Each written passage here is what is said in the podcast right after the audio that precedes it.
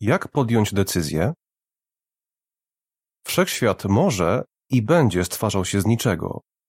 Książka Wielki Projekt Stephena Hawkinga i Linarda Mlodinowa. Bóg stworzył niebo i ziemię. Biblia, rodzaju 1.1. Czy wszechświat i życie zostały stworzone przez Boga, czy powstały samoistnie?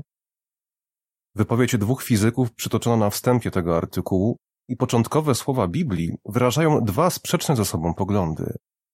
Oba mają zwolenników, którzy zawzięcie bronią swojego stanowiska w programach telewizyjnych i popularnych książkach. Ale wiele osób nie wie, po której stronie stanąć. Twoi nauczyciele ze szkoły mogli stanowczo twierdzić, że wszechświat i życie powstały bez udziału Stwórcy. Ale czy podali na to przekonujące argumenty? Z drugiej strony od duchownych mogłeś słyszeć, że Stwórca istnieje.